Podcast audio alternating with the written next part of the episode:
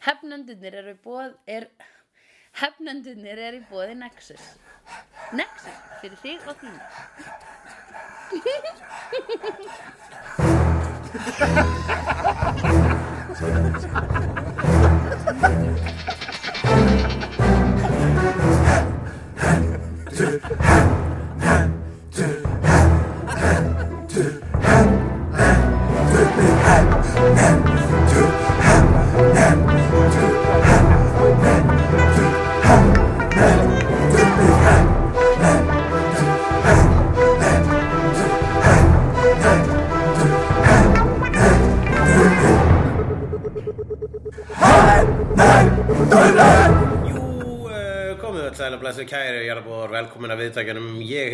Dagsson, með mér er uh, Jóhann Ævar Grímsson. Við erum hefnendurnir komnir aftur eins og við erum búin að gera uh, á einustu viku. Like clockwork Allan, allt þetta ár og öll þessi ár. Uh, Við erum uh, hér í íbúðunni minni uh, á Nakatomi Plaza í Berlín. Við Falleg heyrum í bakgrunnunum hugsalega taktfastan bassa sem er uppþóttaveli mín Er þetta- þetta laus diskur leifarnar í segirðu? Er þetta laus diskur í upptötavelni eða er þetta Nei, bara þetta er bara standard? velin, hún er bara með þetta með þetta beat sko. Já. Þetta er svona hjarta svona, já, þetta er svona hægt hjarta. Dun, já. dun, Ef Edgar Allan Poe myndi búið hérna, hann myndi nörgulega skrifa sögumyndið dun, dun og væri þá að endur taka sig Já, The Telltale Washing Machine nei, ég held að Edgar Allan Poe myndi búa þarna myndi sem er sögum uppdóttavöluna sem setir What is this? How does this work? uh, Herði, já Já, heyrðu já Við, En hvað segir hvað? Hvernig þið er í hjartanu? Ég er svolítið svona, er svona búinn á því. Það er búið að vera mjög svona gleðilega stundir hér í Berlín. Já, þú komst til mín hérna um að gamla áramótin. Já, og það er bara er búið að vera uh, fljúandi fjör síðan þá. Mm. mikið, mikið hlegið mikið grínast og gantast. Já, við erum mjög mikið búin að vera grínast og gantast og hlæja. Uh matur góður, borðaður. Við sl- slegjaðu létta strengi svo okkur uh, einu með lægið og brugðið á leik Já glensast smá. Já, smá glens, en aðalega grín. Uh, og, þó, og þó í góðu góðu geimi Já, já, já, og ég meina þegar ég sé búinn þá er ég ekki að meina, ég, mér líður ömulega heldur, mér líður frábælega, en ég er svolítið svona, ég er þreyttur. Þú ert þreyttur á lífinu. Ekki það, nei, nei, nei, ég var að reyna, að að Færður koma því. nýfin frá pólstínum því að ég er með gleðiefni. Þú getur ekki stoppað mig. Nýr hefnenda þáttur er hér gengin í garð og það eru aðeins linnar af honum 2 mínútur og 20 sekundur og uh, mér líður eins og að séu 2 mínútur og 15 sekundur það er svo gaman hjá okkur. Uh, við erum að sjálfsögðu hér uh, þetta er fyrsti hefnendaþátturinn á nýju ári. Og við ætlum í þessum hefnendaþætti að taka fyrir liðið ár. Og það var nefnir ekkert smá ár þetta var eitt besta kvikmynda ár allra tíma myndi ég að vil segja sem var að líða núna Er það? Já bara Ég var- ég var- yfir listan yfir það sem sko, við, við erum náttúrulega búin að setja uppáhaldsmyndin okkar frá árunni núna Já, já, já. og uh, ég myndi segja að 1999 eitt besta kvikmynda á allra tíma Já, þetta gæti farið í sögubækurnar. Já, og ég er nú aðalega, sko, sko ég, ég, það er ekki það, ég, ég gæti verið að ég sé eitthvað svona spennufalli, glæðir eins og lífi vegna þess að hérna, Y2K vandinn, hann reyndist vera rugl, þannig að það var ekkert neitt, þú veist, Skynet að ráðast á okkur vatta yfir hverju sem var spáð þarna. Núna þegar nýja öld er gengin í garð, eh, við heldum að myndi slökku allt rafmagn og við myndum bara detta í Mad Max og eh, ég var alveg tilbúin fyrir það, þetta er Mad Max trilógi, einu mínu uppáhalds trilógi, ég vona eitthvað tíma að þið gerir fjórðumyndina. En, eh, en ég myndi segja það, núna Já, við göngum sælir fullir vonar uh, í nýja öld nýja öld, nýtt árþúsund. nýtt ár þúsund Það, þetta, eru, þetta, eru, þetta eru, sko, það sem maður getur vonast eftir að uh, hið pólitíska landslag myndi, myndi batna. Já, Uh, ég ger ráð fyrir því að kannski svona setni part ársins 2001 Já. þá muni svona góður hluti fyrir að gerast í sambandi hérna, mið-austurlanda og bandarækina Já, já, nei, ég meina, við erum á leiðinni rétt átt vonandi Mhm. Ah. Já, já, já. Það, það, það, það hafa verið svona friðar viðleikni mm. ég, ég veit ekki samt þú veist hvort að það sé kannski það sem maður eiginlega á að hafa mest áhyggjur af Hvað? uh, mið-austurlund, ég veit ekki alveg hvort að ég tengi sérstaklega við það, mér finnst eins og það sé bara svona það er bara svolítið Ísrael og Palestína Mhm. og Ólja Já. ég meina, já já það er, Þeir það það fyrir að ræða Ísrael og Palestínu og olíu. uh, en já ætli ætli þið náðu meiri ólíu núna á árinu Úr jörðinni? já, Já, nei, ég heldur að bara að setja hann aftur onni.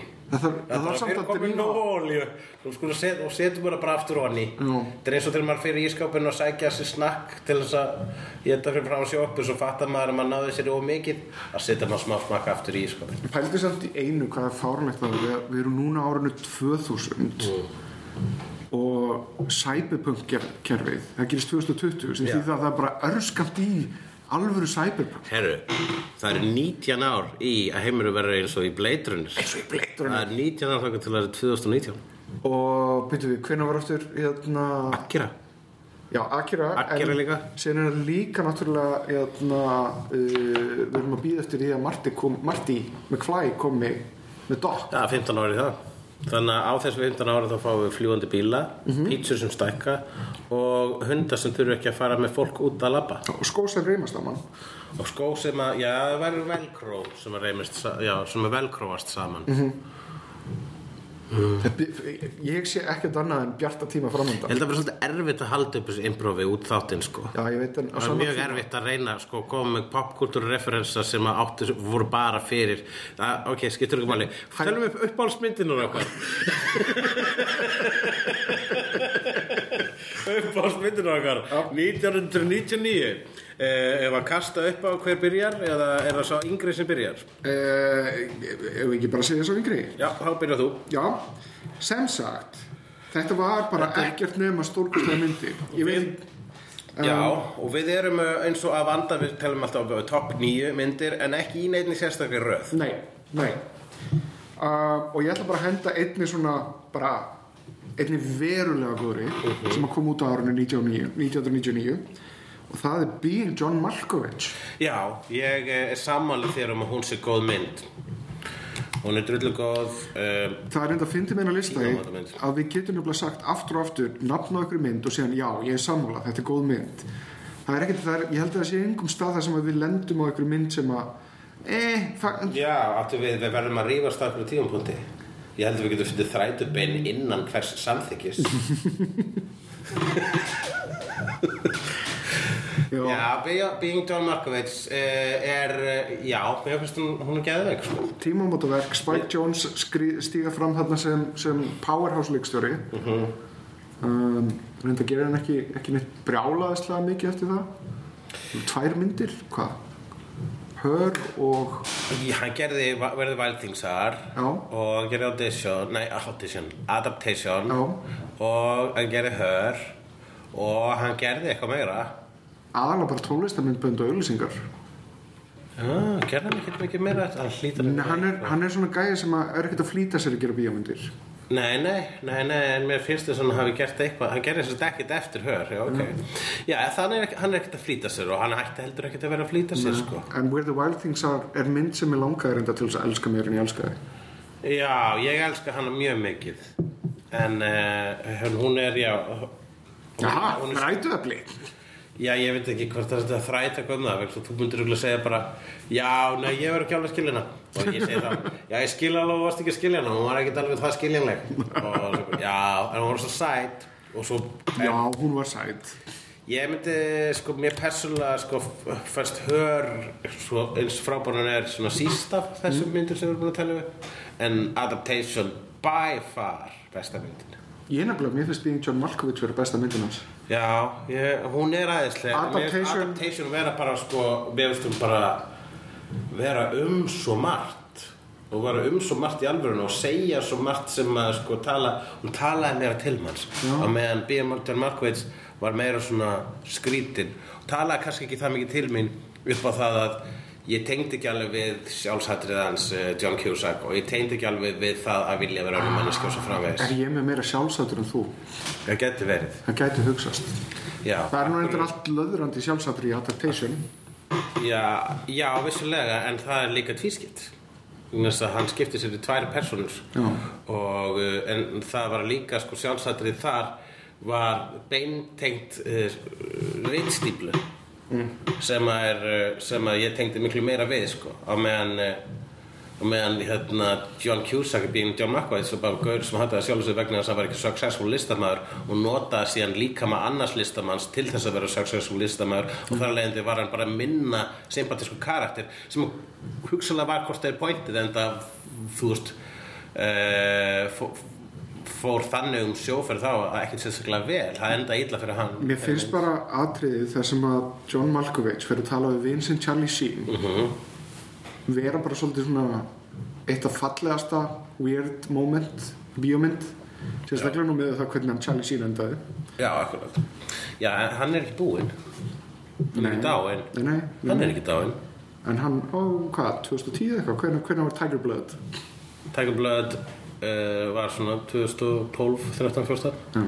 hann, og hann lifið það af. Tveir áratvír síðan 99 var. Mm -hmm. Hvernig Fight Club og Matrix var. Fara ekki svona mím ógísli töðunar að svona það er þú veist 2050 er langt, jafn langt í burtu og 1990 fyrir þess ekki merkir þetta bara já, þannig er tíminn. Akkur er þetta bara að koma með einhver svona bla staðreindir já, er það? Eða svona "Ö, það er 25 ár síðan Perfection var í bíó. Feeling old yet ég er bara fokkaði þér tíminn virkar þannig að það kemur dagur síðan annar dagur svo annar dagur. Við eldumst en að hætta bara can we get over it? Ef það er eitthvað í þessari fucking veröld sem hefur alltaf verið það var tíminn og eru menn þá bara uh, tíminn. Jesus Christ maður, það er ekkert meira eðlilegur en tíminn. Já, e, e, það er ekkert meira fucking constant Ég- heldur veit það að við eldumst og tíminn líður. Hér- af hverju getur fólk ekki komist yfir það? Má ég koma með smá kontrapunktin í þetta? hvað er smá er það að þetta snýst ekki um? Þetta snýst ekki um Tchaikovsky.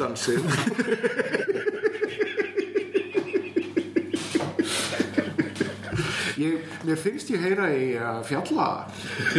Já, getur verið þetta sé mm, minuett Æ, ég veit ekki, getur ekki eitthvað sem ég getur ekki Nei, en smá, kontra, smá kontrapunkturinn mitt er að tími já, hann er konstant en upp, við sem einstaklingar upplifum tíma mismunandi og á mismunandi aldurskeiðum Já, þannig að þú veist, það er, allt, það er alveg í lægi að vera meðvitað um það Ég veit það. Vá, þetta gerðist það er alveg lægi en þegar fólk fyrir að væla yfir því þá er ég bara svona, ég er í sömu fucking lest og þú. Við erum að stefna í sömu fucking átt í átt að glötun og, og tortimingu Já. og all, ég gæti líka vælt yfir því en ætla ekki að það vegna þess að þetta er, við sleppum hvort þið er En ekki hvað ef þetta er ekki fólk að væla? Hvað ef þetta er bara, þetta er áhugavert.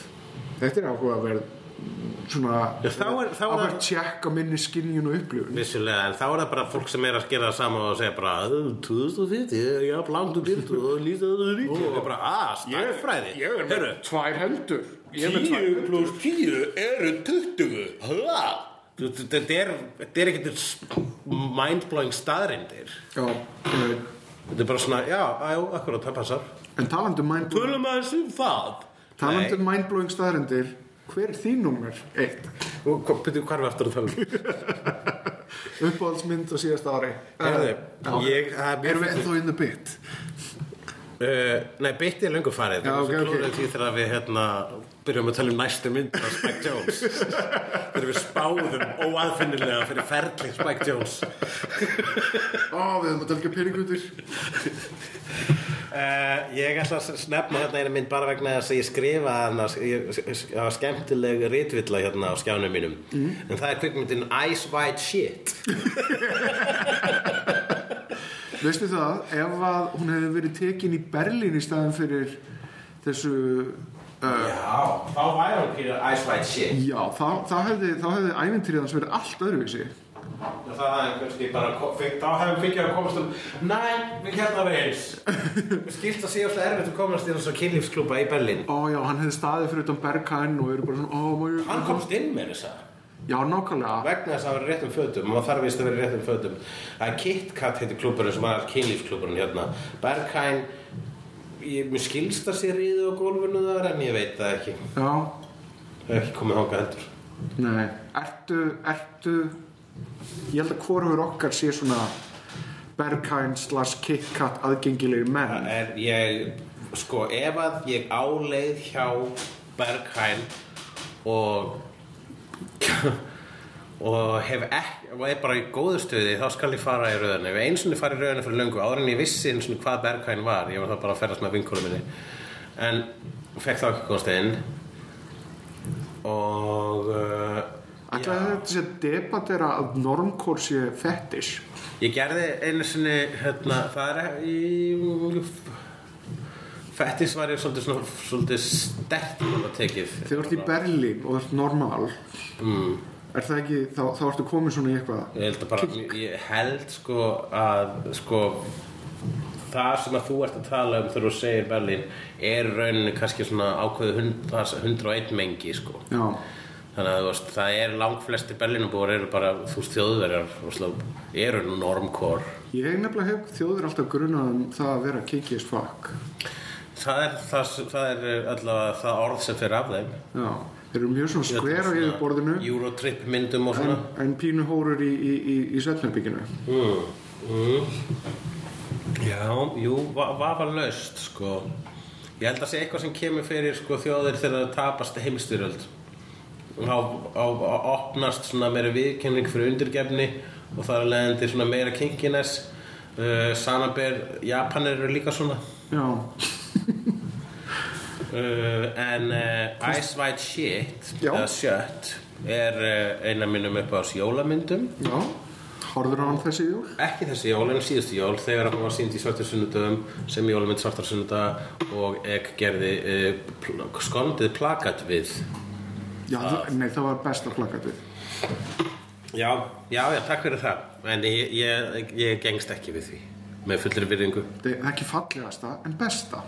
var kannski fyndnasta Fyndnasta?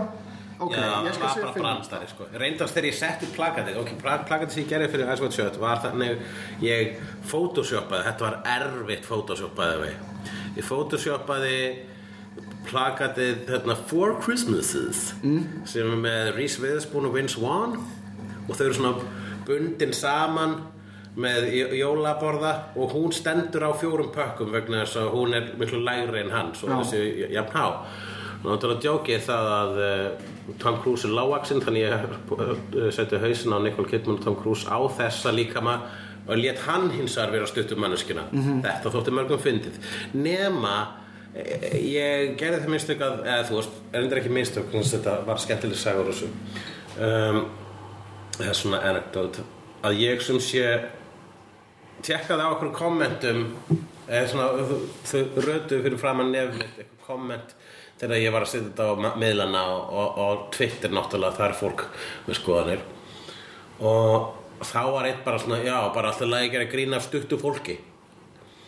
Og ég bara já, já, já er það ekki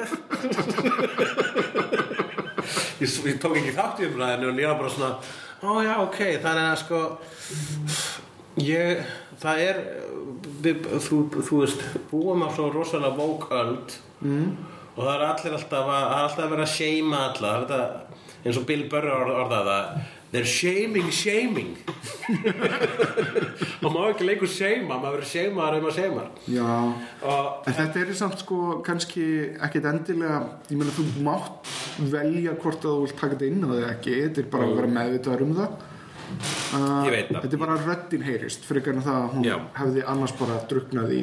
það er mjög vel hérna uh, góð, góð ábending hjá þér uh, vegna þess að þú getur um þetta valið það við erum talað um þetta með Jonathan ég svona, ó, þegar ég óvart segi svona uh, gay brandara eða eitthvað svona segi eitthvað gay, já, bara basically gay brandara verður aldrei fúll eitthvað verður aldrei svona pyrraður ég gera og hann sagði bara svona oh, I've gotten over myself years ago. Þú veist, hann verður ekkit, það fer ekkit í töðunum þegar hann heyri ekki brandara -hmm. en það er talað verra eða eru lélegir. Það er, maður verður eiginlega einu skipt sem að móðgast við bara segja hversu lélegan brandara bara, ah, þú ætlar að fucking shama mig, gera það almennilega. En það er um það, þú getur valið það hvort þú takir eina þig þá getur, það er líka hægt að segja svipaðan hlut við alla þessa vælukjóa. Þá var ég að tala um grínista sem er alltaf að grenja yfir því að með ekki segja neitt mm, mm. þeir eru alltaf bara svona Jesus, má ekki segja neitt, það var internet bla, bla, bla." þú getur valið það hvort þú tekur það inn á þig Það er, er alltaf, það eru báðar hliðar á þessum, hérna, svo svipar á þessum peningi mm. og mér finnst svo skrítið að fólk sjá ekki þá auðvitað staðrind að það er bara svona, ne, e, sko, ok, nefnir þú að hætta að væla yfir þessu og nefnir þú að hætta að væla yfir að fólk er að væla yfir þessu og nefnir, ok, og nefnir þú þá að hætta að væla yfir því að fólk er að væla yfir að fólk er að væla yfir þessu og nefnir þú þá að hætta að væla yfir að fólk sé að væla yfir að fólk sé að væla yfir að fólk sé að væla yfir þessu þannig verður umræðin, hún dettur í einhver svona weird ass bara svona, þetta byrjar að geta halana sjálfur sér eins og sögurþráðurinn í Terminator, nú er ég að vísa í Rick and Morty þátt Já, ég held reyndar líka að sem sagt uh, eitt með þetta svona public shaming uh, sem aðferðfræði Já, um, Þetta minnir mig á það þegar að hérna, Bill Burr var einmitt að tala um hvernig rasismi er síndur í bíómyndum. Já, og þá er rasismin síndur alveg svona það er einn token racist sem að er ógeðslega hávær og svona mjög svo augljóslega rasistur, rasistur. En hann sagði það er ekki þannig sem rasismi er. Racis, racism is quiet. Já, já, að fólk svona horfa í kringu sig undan og síðan segja eitthvað hræðilegt um einhvern þjóðarhóp. Emil, ég veit að þetta var hérna, það er einn ónefndur íslensku grínisti sem að hérna, s- sagði einu sinni við mig uh, já, hann var einhvern veginn að hanga með stelpu í einhverjum sjöfumbústað, hún var bandarisk, hann íslenskur uh, og þau voru eitthvað sem við bara svona eða eitthvað, fyrir saman sjöfumbústað ég veit ekki, mann ekki byrjun, ég var að hlusta ekki byrjun á sögun hans. Which I rarely do. Góttu bara inn með það sem að þú byrjar að hlusta á. Ok, og þá var hann eitthvað svona að eiga við eldavél og eldavéli var eitthvað byluð og hann sagði, oh, that's gay. Og hún sagði bara excuse me, that is not okay. Uh, we do not say that word in that way in the States so it's you should really learn how to blah, blah, blah, sensitive ne, ne, ne, ne, ne. Og, og hann sagði, hann var að segja mér söguna og sagði bara, já, ég bara, já ég meina, ég, fyrstulega það var engin þú veist, hommi nálægt þannig að ég bara, ég sprakk. Ég sagði bara svona, já, já, ok þannig að þegar það er engin nálægt þá, þetta er nákvæmlega sem Bill Burr er að tala um. En síðan var það, svo var það samt ekki það sem trublaði mig mest, sko. Vegna þess að sko, obviously, þá er það mér finnst alltaf lélegast afsökur í heimi. Já, það heyrði það enginn þú veist, ef að maður segir enn í skói þar sem engir svartir menn eru er það rasist? Ég held það. Uh, en en það sem að mér trublaði mest þessu sögðu er bara svona Veitu, hvernig var það annars gay að elda viljum bilaði? Þetta er ekki, það er fyrst alveg bara ekki nógu gott Það var ekki nógu gott svona kvörtunar í því Bara, ah, elda viljum biluð, gay. Það var reyndar gafin en að ef þú steins ætlar að vera, eins og ég segi Ef þú ætlar að vera asshole, verður það þú veist þannig að make a sense. Ég var reyndar að segja það frá þessu bara núna um daginn en Gavin and Stacey var með svona jólaþátt. Og í þættinum þá uh, Núngur að segja Bill Brighton? Anyways, Ég bara horfði aldrei á þetta gefinu Nei, ég veit ekki heldur en ég fylgdist með þessari umræðu. Breta Þeir tóku Fairy Tale of New York Já, já, já, já. og sungu það lag í karaoke. Og eitt karakterinn sem sagt syngur fullum hálsi uh, You scumbag, you maggot. You cheap lousy F-orðið sem að hljómar eins og hljófæri You scumbag, you maggot, cheap, cheap lousy faggot. Merry Christmas, you're ours, thank God, it's our last. Það sem er heillandi við umræðinu sem spratt upp þessu var það e, það var nú tveim levelum. Það var fyrsta lagi bara það er óviðandi að segja þetta orð. Ekki, ekki, ekki, ekki vera að bomba þið inn í. Gáttu ekki valið eitthvað annað lag en síðan er það skilgreiningin á orðinu er öðruvísi hjá írunum sem að gerði þetta. Sagt þetta Já, lundurinn skrýrar Já, þetta, sem sagt, þetta, er, þetta er ykkur svona, þetta er náttúrulega verið að míða við ykkur uh, middle of the century farans íra sem að jötna, Já, bara sko, karakterinn sem syngja í ferri til New York, það eru rómar. Já, Það eru Rónar og konan sem syngur þetta ég, Ef ég man rétt að dó hún með þess að Axel söngkonan. Hún var heroinfíkil Já, en hún líka reyndar, hún tók þetta orð út þegar hún söng þetta. Já, já, Eftir, eftir eitthvað umhvert. já, var bara löst sko Mér finnst það bara svo Mér finnst þetta bara besti bastur um lagið sko Mhm. mm Þú veist, ég elska, ég syng Ég elska þetta lag Og mér finnst það óslega æðislegt Að uh, Að svona ljót orð Eru í jólalagi Og uh, Ef að fólk, og einmitt, ef að fólk mókast yfir því, þá getur það valið það að mókast yfir því. Já. En ef þú ætlar að syngja þetta lag með þessum texta, þá skaltu verið tilbúin að taka við fucking shaming eða þurfa að afsaka þig á einn hátt, eða allavega ekki afsaka þig, heldur útskýra þig. Það er nefnilega, það, það benti ykkur á það að þetta væri afsökun fyrir streytara að fá að hrópa svona orð, Já, svona fullum hálsi. Já, það geti alveg spilað inn í, en mér finnst það alveg bara að orðin, að, sé, að þetta sé svona ljótt og grottarlegt í svona rosalega fallegu lagi. Eh, en ég átti nákvæmlega, þetta var hérna, gay to me straight spurning í öðru podcasti Æstrila sem ég spurði með Jonathan, samkynniðamann, út í þetta og hann So, he saw no issue with it. Þannig að ég hef um einn samkynnaðamann sem finnst allt í lagi þannig að það hlýtur að vera allt í lagi. Já, ég á marga samkynhauðu vinir. En Ice White Shut er náttúrulega jólamynd eins og þetta lag. Já, hún er rosa góð Það var síðasta myndin hans Cobra X bla bla bla bla bla Ok, hvað þú með kom? Uh, ég er með næstu mynd uh, og það er smá hvað er að gerast. Já, ok Það er nefnilega Galaxy Quest og það er að koma heimildamynd um Galaxy Quest. er, Ég held að hún sé komin Er hún þessi Ég komin? niðurhól henni og á hana á fucking tölvurinn minni Ég eftir að horfa á Ég hana áttur að sjá hana. En Galaxy Quest er mynd sem að sveif undir aðtæðum Já, en mér finnst hún alltaf vera betri og betri og ég eiginlega ég er náttúrulega ekki jafn harður uh, trekkari og hvort, hvort, hvort preferur, trekki eða trekkari I don't know the difference. Anyways, ekki jafn harður trekkari og til dæmis þú og, og, og en Já, þú þarf að segja Þú hefur bara ekki hort á Star Trek eins mikið. Ég hef náttúrulega hort á það alveg slatta en enga veginn jafn mikið. Um, en ég held að þetta sé besta Star Trek mynd Ég- Nei, besta Star Trek myndin er Wrath of Khan og uh, hugsalega Voyage Home. Já, getur ekki sagt þessi besta Star Trek þetta er ekki Star Trek mynd. Ok, ok. Ætlar Ég- ég- fara, ef, aftur fara að tala um að Orville séu bestu Star Trek þættir í dag. Nei, þeir eru ekki Star Trek þættir, það eru Orville þættir. Ég ætlaði reyndar ekki að fara þangað. Ég, ég samt, þú veist, ég beigja mig undir þína, þína uh, En ég skal þess að segja, mér finnst það langt besta by far Star Trek spoofið. Já, og miklu betra spoof heldur en Spaceballs var á Star Wars. Obviously, þó að Spaceballs á á alltaf risastóra staði hjarta Já. en uh, mér fannst það, þú veist, þeir neldu þeir neldu allt sem að það ætla að gera. Þeir neldu þetta svo ógislega vel. Hvernig gáttu þið fengið Sigourney Weaver, Tony Shalhoub og Alan Rickman með því að senda þeim gott handrit. Já, þannig, feng, þannig fær fólk þannig leika góða leikarar í góða myndum. Já, en hérna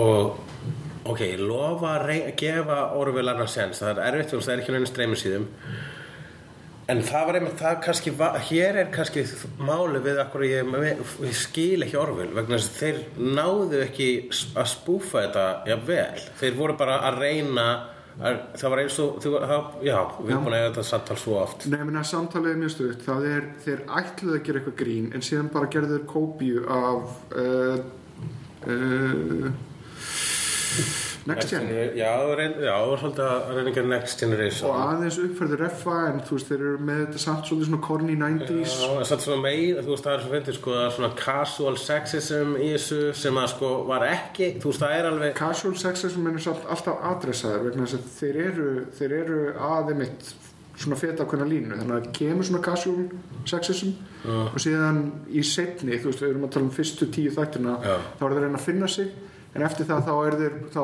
þú veist það, það, það er verið að tala um þessi issue. Það er verið að ávarpa það, er verið að kommenta á þeirra að koma svona þetta er allt mjög taktist sko. Já, en eru þeir samt ekki að adressa bara sömu issue og voru adressuð í fucking Next Generation, sko? Jú, jú, í grunninn Þannig að Samt- eru svona svolítið Það er seinir með umræðina það er samt búið að uppfæra það pínu eða svona Þetta er ekki cool hvernig okkur tó- mér tókst að snúa í, í lofsöngum Galaxy Quest yfir í hatursbull um hérna, ekki haturs, heldur í a- sömu golmu tuggunum um Orville. Og uh, þú gerði það svo vel að ég bara I played along with you, you played me like a fiddle I played the stinking city like a harp from hell. Önnur uppáhalds jólamyndin mín Batman Returns Ég ætla bara að fá mér smá vatn. Já, fáðu kaffi. Ok. Svo að það verður ég eldaði kaffi og það er að vera volt og setja bara í glas og þess að bótlandar er í DJ-unum okkar. Þannig sé að Ok, þú, uh, þú Galaxy Quest, uh, vel valið meistari, meistari góður. Já, ég meina Ok, byrju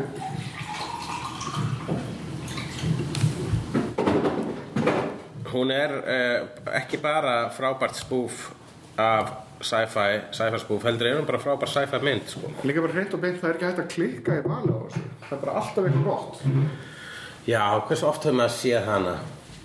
Og það, við horf- horfðum hana sem hérna hefnendabíómynd þegar Alan Rickman var nýfallin frá til eitthvað honum.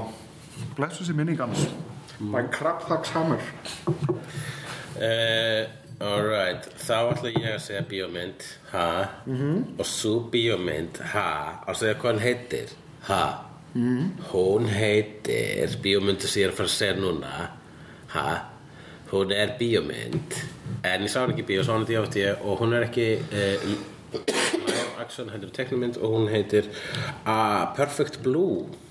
Vá. Það er Sko það er mynd sem að ég hef bara séð einu sinni En ég tengd hana enga megin þetta ár. Var hún á þessu ári? Hún var allavega í verstræðni dreifingu þetta ár. Yes, sirrý uh, og uh, er merkileg fyrir þær sakir og þú ætlar að þeim að setja þú, þú ætlar að hafa það er nýkomið eitthvað dæmi þarna á hernenda síðuna? þetta er svona mánudagsferna sem er ekki mánudagsreglulega heldur mánudags þegar við lennum því Já, ok, mánudags sko, málega er að þegar ég þegar við byrjuðum að vera með í þátt hættunum sjálfum sem er þarna Tvíhlipa? Tí, Nei, það hét með tvær í takinu Héta það? Já, og þú sagði alltaf tvíleipan og lokum hætti ég að leiðra þig En gæti hugsast að við höfum búið til tvær í takinu er meira creepy og bróish má ég segja eitt samt vegna þess að við áttum hvað var tvíhlipan var til staðar. Nei, það er ekki heyrðist í aglabissu þegar við segjum best og vest Er það Já. ástæðan fyrir þetta er í hausnum á mér? Já, og ástæðan kallar það tvíleipu vegna þú ert óvart að stela frá tvíhöða Það er ég? Já. Já, Já ég, ég stakk upp á tvíhlipinu Black Swan og Perfect Blue einhvern tímann. Það er mjög góð tvíleipa Það er samt á sama tíma. Þetta er myndin eiginlega sem að gaf uh, honum hérna, hvað heitir hann aftur? Darren, Darren, Það er en Aronofsky. Uh, hann notar þetta minni úr þessari mynd í uh, Requiem for a Dream og Black Swan. Já, þegar hún er að öskra í baðinu Já, Sko, það er sem sé uh, bara þetta er skot fyrir skot Kópering bæði vegi. Já, hann heitir uh, uh, Satoshi Kon mm -hmm.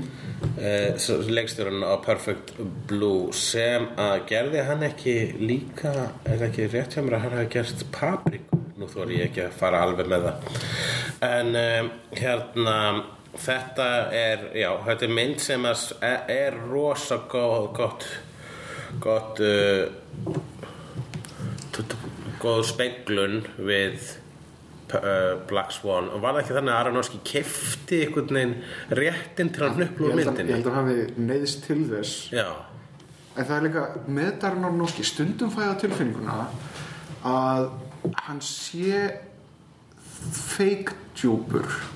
Það er bestu rólegur núna. Ég ætla ekki, ég ætla ekki að stundum fæða tilfinninguna ég er ekki að segja að hann er það ég bara stund, sko, Ég stundum tilfinninguna þú að, að þú veist Black Swan, Requiem for a Dream Mother?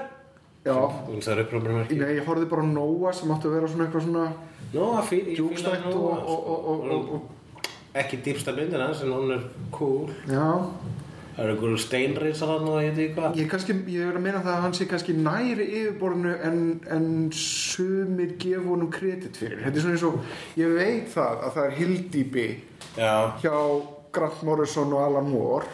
Og veit það að bara það er eitthvað það er svona, það er eitthvað abyss og levæðan fyrir, fyrir neðan í myrkrinu.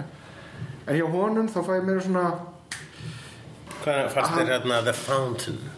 The Fountain fannst mér einmitt svolítið svona tilmarks um það að þetta Já. var svona surfacey. En er það ekki bara að hann talar ekki til þín? Já, hann, allt sem hann er að segja er samt eitthvað sem er spennandi. Já, það er ekki, það er aldrei hvað, það er hvernig. Já, við erum alltaf vinn sem að, sem að uh, mikill aðdáðandi og talaði mikið um uh, kabalatengingar og eitthvað svona. Já, já, já, hann er svolítið mikið í því. Það er mjög fullt af þannig til mér í P En, uh, já, það er algjörlega Ég sko, það er allt, það er bara flýgur yfir hausinn á mér sko. Ég veit ekkert hvað það er að hvað það þýðir and I don't care. Ég ég vil ekki, mér ef það er fallegt verk á listasýningu -hmm. þá vil ég ekkert heyra útskýringu. Já, Já ég, og ég vil eiginlega aldrei heyra útskýringu á neinu. Ég er uh, Nefna eitthvað svona Marvel dæmi þá, þá fer ég Wikipedia betur, Hver er það? Ó já, hann er krí uh, uh. Þú varst, varst bókstæðlega að segja mér samt í Mandalorian þegar þú varst að horfa það Já. að þetta var í, þú veist, í fyrst skipti í langan tíma þar sem þú fær heim og er bara svona hver er þessi og hvað er hann að gera þetta Já, já, þá var ég að tala um sko bara svona, ég var að fatta að Mandalorian er það, mér finnst það miklu betra en nýju starfsmynduna vegna þess að þegar ég kem að nýju starfsmyndunum þá var ég bara svona, já, ok þetta var nýju starfsmynd, en núna er ég bara svona hvað er eiginlega Mandalorian? Ég vil nefnilega meina það að nördaginni kikki inn sko, ég, ég, ég kann að meta þína upplifun á, á listaverkum en á sama tíma þá nördaginni mér það kikkar inn það sem ég langar að vita þessar hluti.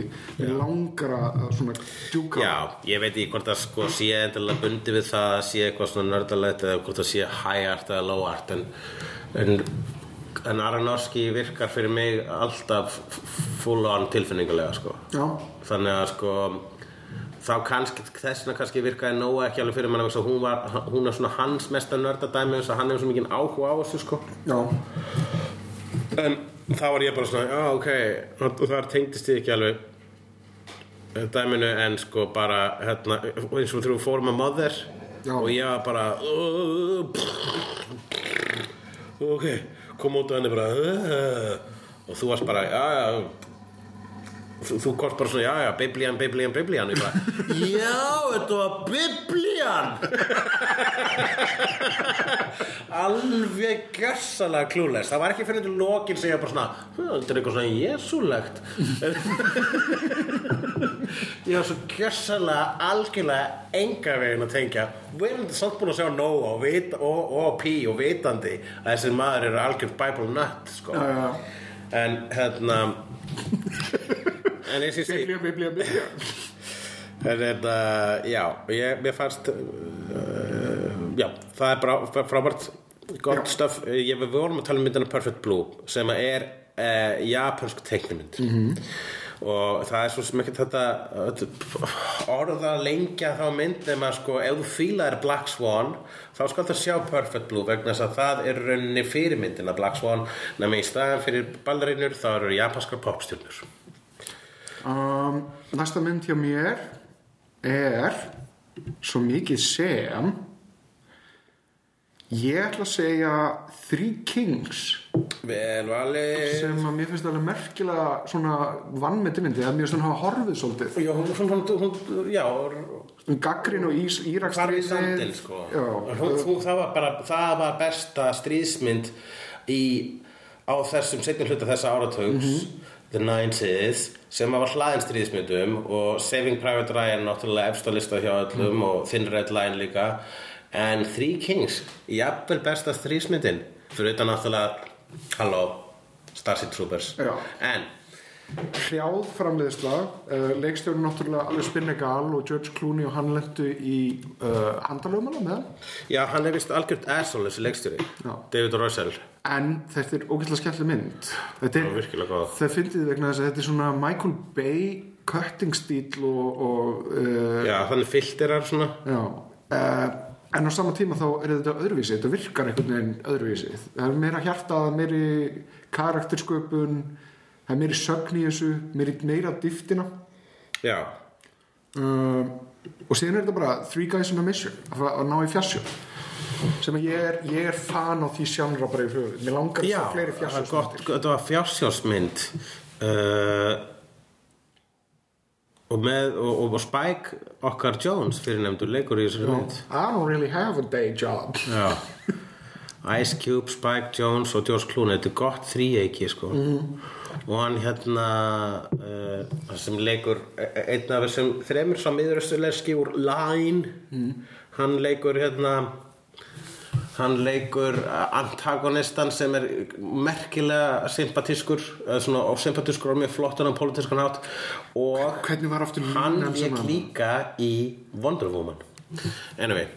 Hva, hvernig var aftur línan sem var með alltaf þegar hann var að tortjúra Ég maður bara að sagði eitthvað svona What is the deal with Michael Jackson? What, what do you mean? Já, what is the deal with Michael Jackson? Why is he like that? við meður reyndar ekki gleyma Mark Wahlberg. Hann er, hann er e, þriði kongurinn Já, já, þeir, eru- já, þeir voru fjóri Spike Jones er lúðinn hann á kantinu með þeim.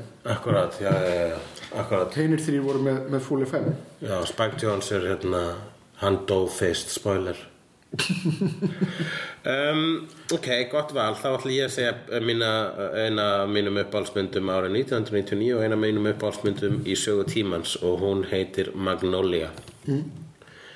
Djöðl var þetta gott ár 1999 Magnolia var líka á þessu ári. Ég myndi jafnvel segja það að þetta sé svona formatív ár bara í kvikmyndaspekk og bara skilning á því hvernig kvikmyndir eiga að vera. Ég man, mér, þú veist, maður var ekkit sérstaklega mannaður þá. Maður var ekkit sérstaklega þróaður og djúpur gaur. En maður fattaði samt að þetta var ég man að ég bara átti þetta samtal við sýstur mínu bara, er þetta bara besta fucking kvikmyndár ever? Og ég sagði það þegar ég kom að fucking Tarzan, Disney Tarzan sem ekki er á listunum mínu nei, nei, nei, nei, hún kemst ekki eins og í nála toppinum sko. En mér finnst hún ennþá ásum sko. En ég, mér finnst líka að það hefði átt að vera síðasta tassamynda sem var nokkuð sem hann gerð vegna þess að vandræðilega mynd, vandræðilega saga. Hún er, hún er ekkert nema eitthvað svona weird áminning um kolonialism Sástu- og skri, það er eitthvað svona af hverju er hvítur gauður konungur ábana ég skil ekki. Hvað, ok. Sástu Let's Skarsgård? stay away, stay away. Margot Robbie útgáfuna Hvað segirðu? sástu Alexander Skarsgård Margot Nei, Robbie ég hef ekki séð neina tassamynd eftir Disney tassan Já, hún gleymdist svolítið og bara hvarf Já, það var líka, mér þótti bara þegar ég frétti af því að, að það væri að gera nýja tassanmynd á hvað, fyrir tveimur árum mm -hmm. það, það var bara, af, af hverju? Af hverju, af hverju að gera þetta? því ég las samt alveg rosalega mikið af tarsamblöðu þegar ég var yngri vegna þess að seglufjörða prent Já. alltaf mókaði út sko það var eiginlega, þeir gerði miklu meira þeir heldur en ofurhetju. Já, tassan var meira og Kórak, sonur Tarsans það fór líka að það heldur fleiri keiftu það vegna þess að fleiri skildu það. Og ofurheitur voru ennþá svona ennþá furðu fyrir, furðulegt fyrirbæri fyrir fólki þá. Þetta er samt hugsaði samt um ásetningin í þessu hjá Edgar Rice Burroughs þetta er, auðvitað er þetta sprettur upp í kolónial tíma. Breytar einhvern veginn að taka það sem þeir vilja í uh, Afríku. Mér er bara svo ógeðslega merkilegt Já. að alltaf þegar við erum að telja upp myndir hérna á þessu lista og tölum um einhver alltaf aðra mynd. Það er bara góðið þér, góðið fló þegar við tölum um Perfect Blue og tölum við bara um Darren Aronofsky alls fyrir tölum um Ice White Shut og byrjuðum að tala um fólk að kúka hvort annað í Berlín En ég ætna, sko, ég held nefnilega með Tarsan að hluta til hafa þetta verið svona eitthvað svona brú á milli. Þegar hugmyndin að þú veist, bera virðingu fyrir kultúrnum í Afríku og sérst Afríku sem landi eins klunnalega og framsett og það var Já, já að þetta er nefnilega, veist, þetta er hann er, hann er með uh, svörtumennunum í liði Jú. og oftast að díla við ykkur að hvíta gæja sem Jú, hann er að berast gegn the colonialism en hann er líka er rauninni sko bara, hvað getur maður sagt? White savior. White savior, já, hann er white savior. Uh, Það er En fyrir þann tíma, þetta er bækurnar koma út hvað, fyrir aldamóti 1900 eitthvað, Algjörlega, ég meina þú veist, er það ekki bara hægt að bara, bara verðum við ekki bara sætt okkur við það og ekki fell í einin tár í að segja bless við Tarsan Já, blessa. Já, allavega hérna, Já, já. það er engin vörður það er engin vörður við pönnliðið þitt sko. bara, "Nei, þetta var ekki eins og pönn, þetta var bara hljóð ævar, Já, ok, segðu þetta Og hvað er, hvað er, hvað er pappakrukkan? þetta var ekki, þetta var ekki einu svona pappi Ó, come on. bless hann Þetta var bara eitthvað sound. Þú settir saman fyrir hlutar einu orði og sendir hlutar öðru orði og það var til eitthvað sem að átti kannski vera pönn en það var það ekki. Ég enda með kenningu í samvætti pappabrandara að uh, þegar að maður segir pappabrandara og er ekki pappi að það gæti benti þess að þú sért með lausleiksbatn eitthvað staðar sem þú hefur ekki látið hann vita af Þá var þú fucking hér á lauslegsbjörn Egni, hverju það? Þú ert fucking lobo í infanticide Eh, Verðið eru góður nörd sem fattaði þetta? Uh, já, en Magnolia er vissulega ein uh, uh, fallegasta. Já, Hún er dásaleg sko, hún er gjössanlega dásaleg Ég hérna þarf að kaupa mér hennar Blu-ray Ég er búin að eiga hann svo lengi á DFD Ég horfði á hana. -hmm. og bara þessa mynd ber að sjá í, í fullkomnum gæðum. Og besta mynd P.T. Anderson er hægt að segja en síðan bara það er svo erfitt að segja það. Ég er ósamlega vegna þess að mér finnst bókin hægt vera toppurinn á höfnum. Já, það er þín upp á smind Já, En það er hérna En síðan eru myndir eins og Phantom Thread Síðan eru myndir eins og uh, eins og There Will Be Blood og það er bara það eru vegna þess að það, kannski vegna þess Boogie Nights og Magnolia þær eru svona ensemble myndir og þú ert að sjá bara svona bara svona flugöldarsýningu af snild -hmm. en þegar kemur svona fókusaður character-based sögutræður eins og í eins og í There Will Be Blood og Phantom Thread þá er við neitt til að fara inn í hausin á einhverjum karakter sem er annarkvæmt vafasamur eða ekki, líklega mjög vafasamur. Jú, í bæðiskiptum mjög vafasamur. Mm og það, þá upplifum maður alltaf aðra svona aðra snildarlósun já. Ég, Alltaf, þú veist, þannig að ég myndi segja hér á ferli hans mm. þá eru sambærilega myndirnar um, þá eru Boogie Nights og, og Magnolia og sambærilega ég er skömmustulaus Já, ég meina þær eru sýstra myndi. Það er, það er, Hann er raunverulega að flexa sömu vöfða bara með ný öðruvísi sögum. Já. En það er líka sama þema. Það er leitin að fjölskyldu. Það er leitin að, að þú veist, í Magnolia þá fjallar þeim uppgjör við fe, feður bara út í gegn, aftur og aftur. Uh, í Boogie Nights þá er það, þú veist, mér langar til þess að belonga í einhverju fjölskyldu en þetta kemur, þetta sprettur úr sömu einmitt, sama söknuð og sömu þörf að, belonga einhver staðar já það heill. eru allir já, það er svona allir í Magnolia er einhvern veginn einir Já, allir eru aleinir Donny Wiskid til dæmis bara vill fá recognition og viðurkenningu og hann vill bara vera elskaður þess vegna fyrir nýja þess að tannaðgerð og Hver er uppáhaldskaratin en Magnolia? um, ég ætla að segja Frank Mackie Hver er hann? það er Tom Cruise karakterinn. Já, hann er ei, það er, já, er erfitt að neða bara hans það, sko, toppa það sko. Vídeóð er fáranlegt og þegar, ég hata hann svo mikið og síðan fann ég svo til með honum en á sama tíma þá, þú veist let go of your anger buddy. Þá kannski ferð að koma almennilega fram við fólk og, og Ég ætla að segja hún uh, Julianne Moore. Shame on you Motherfucker, fuck you uh, Já, hún var alveg kjörsulega en síðan myndi ég líka jafnvel segja John C. Reilly Kristna löggan sem að var útla góðhjartaður en líka svo algjörlega rígfastur í kerfinu. Hann sá ekki vísbendingana fyrir fram að sig vegna þess að bara þú veist, þar fylgdu ekki einhverju protokóli sko. um, en hún er drefin áfram af einmitt svona þvóttavælatakti svona, svona bjöllu hljómi svona glimur Já, já, já, hún, hún, ég man þegar ég fór á hann í bíó og kom ég út af henni, ég var að fara að hitta vini mína, já, ætla að skjóta stöðinu minn svo kem ég hitt ykkur?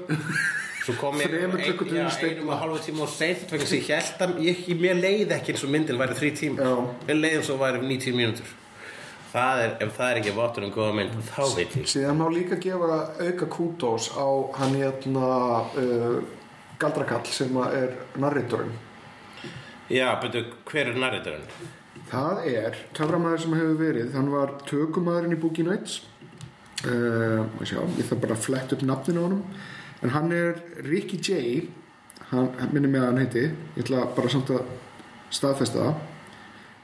Uh, hann sem sagt, já, Ricky J, hann lést fyrir tefnum tveimur árum uh, en hann var galdrakall eða töframæður sem að jötna, var þekktu fyrir það að kasta sagt, uh, sagt uh, spilum í vassmelunar og þú getur hort á sagt galdrasjó sem hann gerði á YouTube sem er bara mjög skemmtilegt. Right, gott, cool En þá er þú að segja mynd. Já, fyrir Það myndi vera þín fjórða eða hvað? uh, Já, Já. uh, ég veit ekki, ég er samt ekki með alveg á tölu. Já, ertu ekki með skrifa, skrifa niður hjá þér? Nei, nei, nei, ég ætla bara, ég ætla bara. Ok, þú byrjaðir, ég er með þetta nokkurn veginn hérna. Do it live, þú lætur mig vita því ég er komin yfir. Ég, það, Ef þú byrjaðir það þýr ég verð síðastur. Ok. Þannig já, ok. Uh, næsta mynd sem ég ætla að hendi í póki hérna er Office Space Office Space, það var nú ein allra besta gamamynd þessa á- árs uh, fyrir utan The Other Sister mm. Ógvöð uh, hérna, Never go full retard.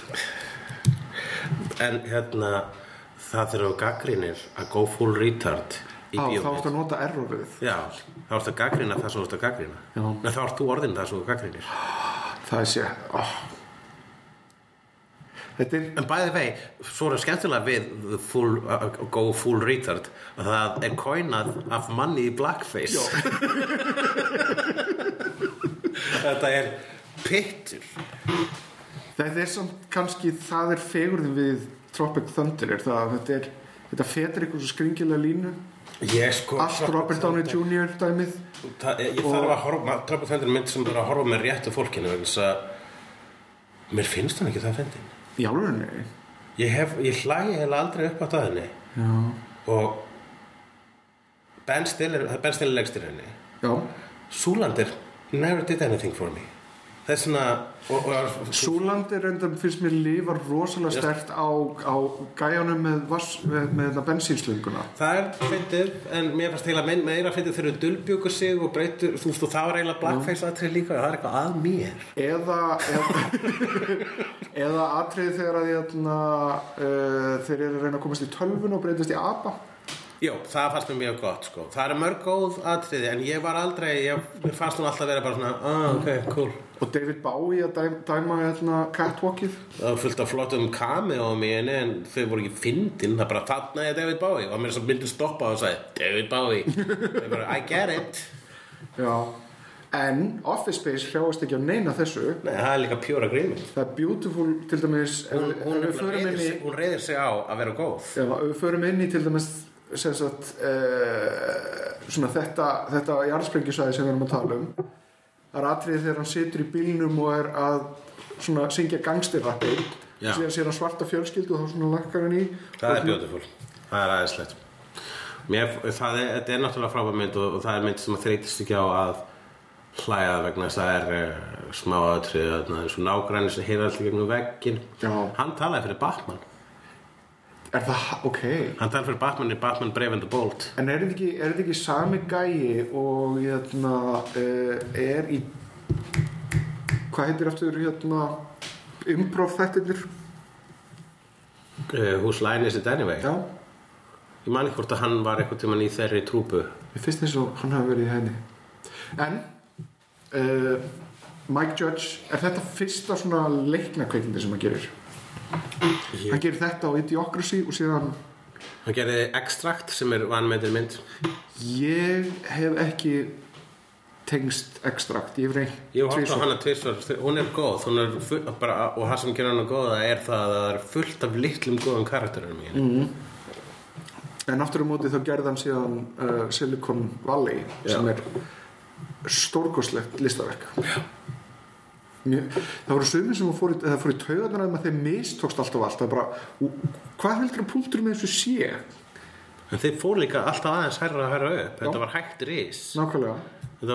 þeir, við, náttúrulega ævintýrin eru mistökin en, en velunin eru successin og successin er samt, successin fylgir hann mistök. Þetta er, þetta er gamla góða dæmisagan um það að uh, draumararnir þínir, uh, sko, þegar draumararnir þínir rætast þá verður ekki lengur draumar heldur veruleiki. -hmm.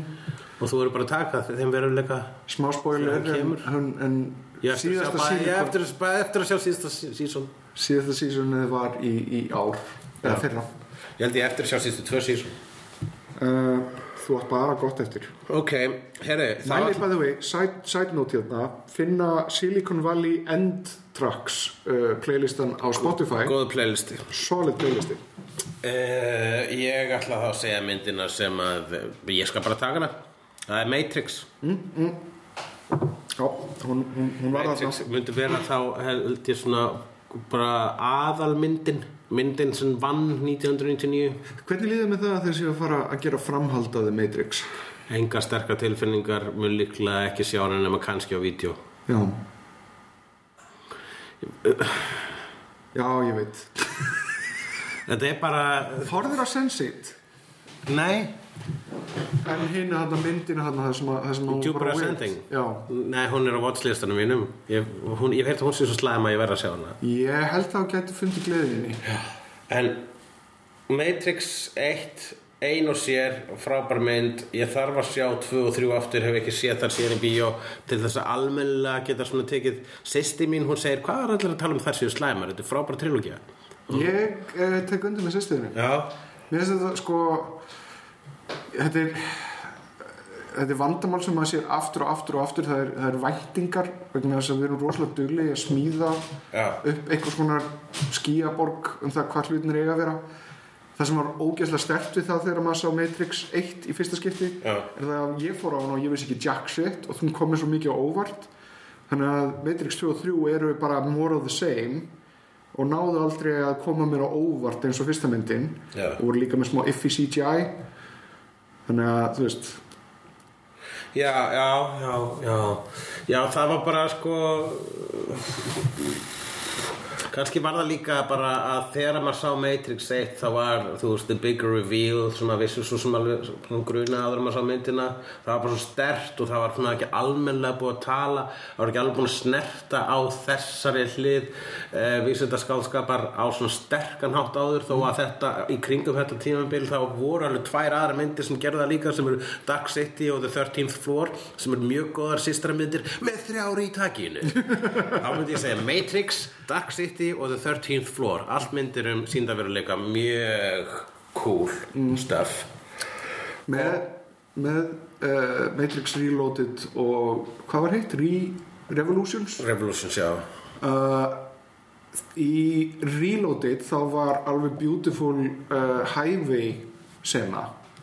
Þess að þú voru að þú veist, bara fara rosalega hratt á Já, kongfúast Ég geðvægt atriði og tvíbrotnir sem sagt, þeir voru cool.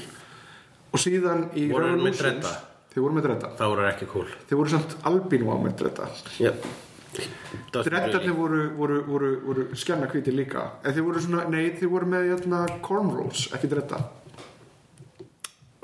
Ok, alltaf fram. Uh, síðan uh, í Revolutions þar var atriðið þar sem þeir voru að vera borgina og allir drónandi voru að koma inn og þeir voru með svona mech droids svona risastóri voru að skjóta. Já, Það var bara ekkert eftir cool.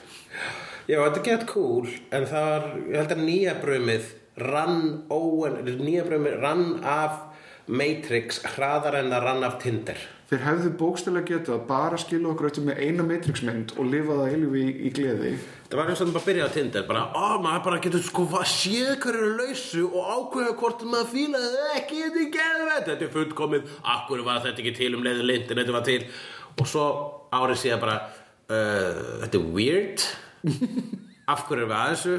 Þetta skrítið, ég er hættur Ég fekk, samt, svona pínu svona nýja brumstæðin að koma inn í Berlín og, og, og skoða Tinder. Mm. það er svo mikið, mikið af áhugaverðu fólki hérna. Já, þá var Tinder svolítið eins og dansatriði Matrix Revolutions. Já. Nei, Reloaded. Finnst þér ekki að fjórða myndina þetta heita bara Matrix Rebooted. Það er auðvitað titill sem að er á tekniborinu það Hann er búinn að taka hann og brandaran Kevin Smith í mynd sem kom einmitt núna árið 2019 sem heitir Jay and Silent Bob Reboot sem ég eftir að sjá allir tjekka á sama hér. Um, já, ég á, ég á mynd eða ekki? Jú. Um, Election. Election, ég vissi um að segja það já, ég veit það, þetta er líka svona þetta er svona æfarsmynd Þetta er æfarsmynd Þetta er svona svona vandræðilegt eitthvað svona félagslegt og svona pínu íkt en, en, en samt svona grounded. Þetta er bara briljant mynd sko Og uh, hvað heitir hann sem gerir hann aftur? uh, Paul, hann er einn og- einn af Pólunum er það ekki? Nei, hann heitir Payne eitthvað. Alexander Payne, Alexander Payne. Það er fallegt nafn. Já, það er gott nafn. Ég er Alexander, Alexander Sassuki uh, en Election með Rís Viðurspún og og, hérna, og uh, Ferris Bjólur Ferris Bjúr og líka í blóð Já uh, Fjallar um kostningar og verður einhvern veginn svona mikrokosmos af kostningum og stolti og það sem að reyndur uppáhald karakterin minn í þeirri mynd allri er fótbrotni í þarna American Pie Já, hann sem að í rollerball endurgerðinni og, og dúsbækið í Just Friends. Já, hann er bara, hann er bara svona saklus Calvin he, hann heitir Calvin Klein? Heitir hann það? hann heitir svona leikarinn heitir eitthvað mjög svipað á Calvin Klein Ok En hann er bara svona saklus einhvern veginn leiksoppur í gegnum það meðan sýstir hans er í stríði við, við, við Rís Viðurspún já, já, já, hann er, hann er svona hann er fullkomið himbo sko. þetta er uh, briljant mynd og líka bara ferðalagi sem hann fer í gegnum þú veist, þetta er líka svo góð dæmisag vegna þess að hann Matthew Broderick hatar Rísviðispún hann er kennari og hann þólir ekki þannig nefnda þegar maður hefur vunnið í svona kennarastöðu og maður bara svona, oh, fuck, ég þólið þannig krakk ekki. Og mátt ekki hugsa þannig. Allir kennarar hugsa, hata allavega eitt krakka. Og hér er málið þetta er sko góð dæmisaga sko don't do anything about it. Já, nákvæmlega. Þegar þú þólar eitthvað ekki ekki láta það herrtaka þig vegna þess að það er ekkit meira sko það verður það verður svo óaðlaðandi þegar fólk obsessar yfir eitthvað sem það hatar er samt ekki, ok, endurinn er það hún er komin í eitthvað svona forseta stöðu hún er komin svona hún er komin, hún er uh, lí- ég er bara velta fyrir mig hvort þetta sé líka var hún ekki að sofa hjá einhverjum kennara eða eitthvað sliðis Jú, jú, það var vinur hans. í lókmyndarinn að sofa hjá einhverjum hérna, senator Já. og hérna hann hataði hana vegna þess að hún var að misnota pólitík Mhm. en skilabóðum voru reyndar hún var að spila fokkin leikinn Já. það er eitt að svindla og annað spila leikinn og er ykkur munur þar á En það er nefnilega hennar journey þessu er það veist, að Tracy Flick er manneski sem að vill spila leikinn eftir reglunum en síðan ef hún þarf að fara út fyrir reglurnar sko það er, er vöxturinn hennar er það að bara hún lærir að play dirty Já. hún er bara rosalega góð í því sem hún er að gera en engi kann að meta það Já, þetta var líka hún stimplaði sig inn líka sem almenn eh, svona virkilega góð þetta var eftir líka líka blond, það ekki uh, Nei? Ung. Já, nei Hver var hún líka, eleksjona undan líka líka blond Hvenær kom hún fyrst inn? Hún er fér með Mark Wahlberg? eh, Mér finnst þess að líklu blond sé eitthvað svona 2003 dæmi. Já, ég En ég veit það ekki Ég, ég er bara að giska mm, Líka alveg blondu 2001, það er hjá þér. Ok, e, þá ætla ég að segja bíómynd Ha, Já. Ég ætla að segja mynd sem að heitir, sem er ekki, er ekki fullkomin mynd, en hún er rosa miklu uppáhaldi hjá mér. Það sem trublar mest, mig, uh, mest uh, með hana í dag eru að teknibrellunar lifðu ekki alveg af. Eru og, og hérna, lélegt CGI í þá var það wow en það er kvikmyndin Faculty. Faculty? Já.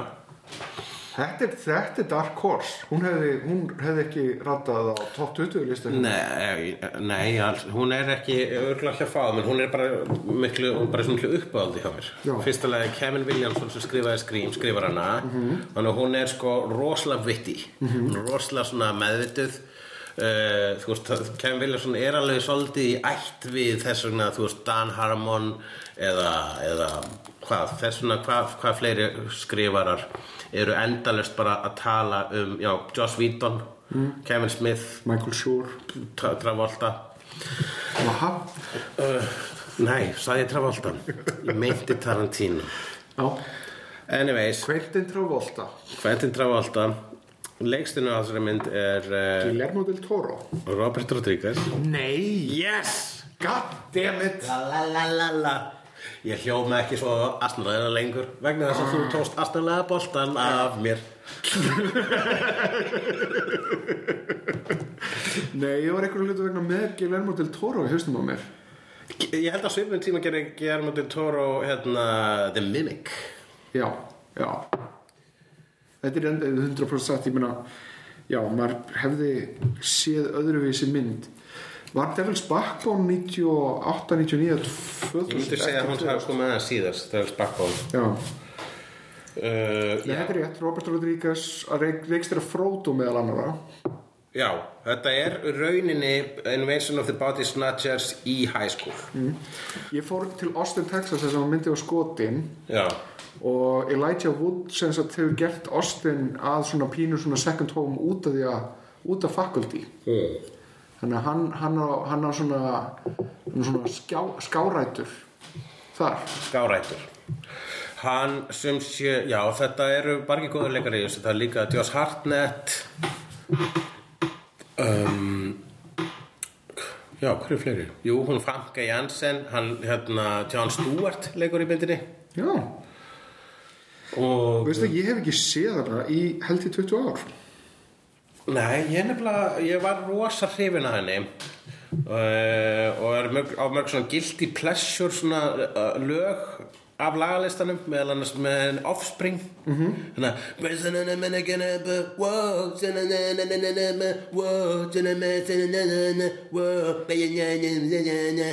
þú, hefur náttúrulega alltaf verið meiri svona college rock típa heldur en ég fíla bara hittar hann.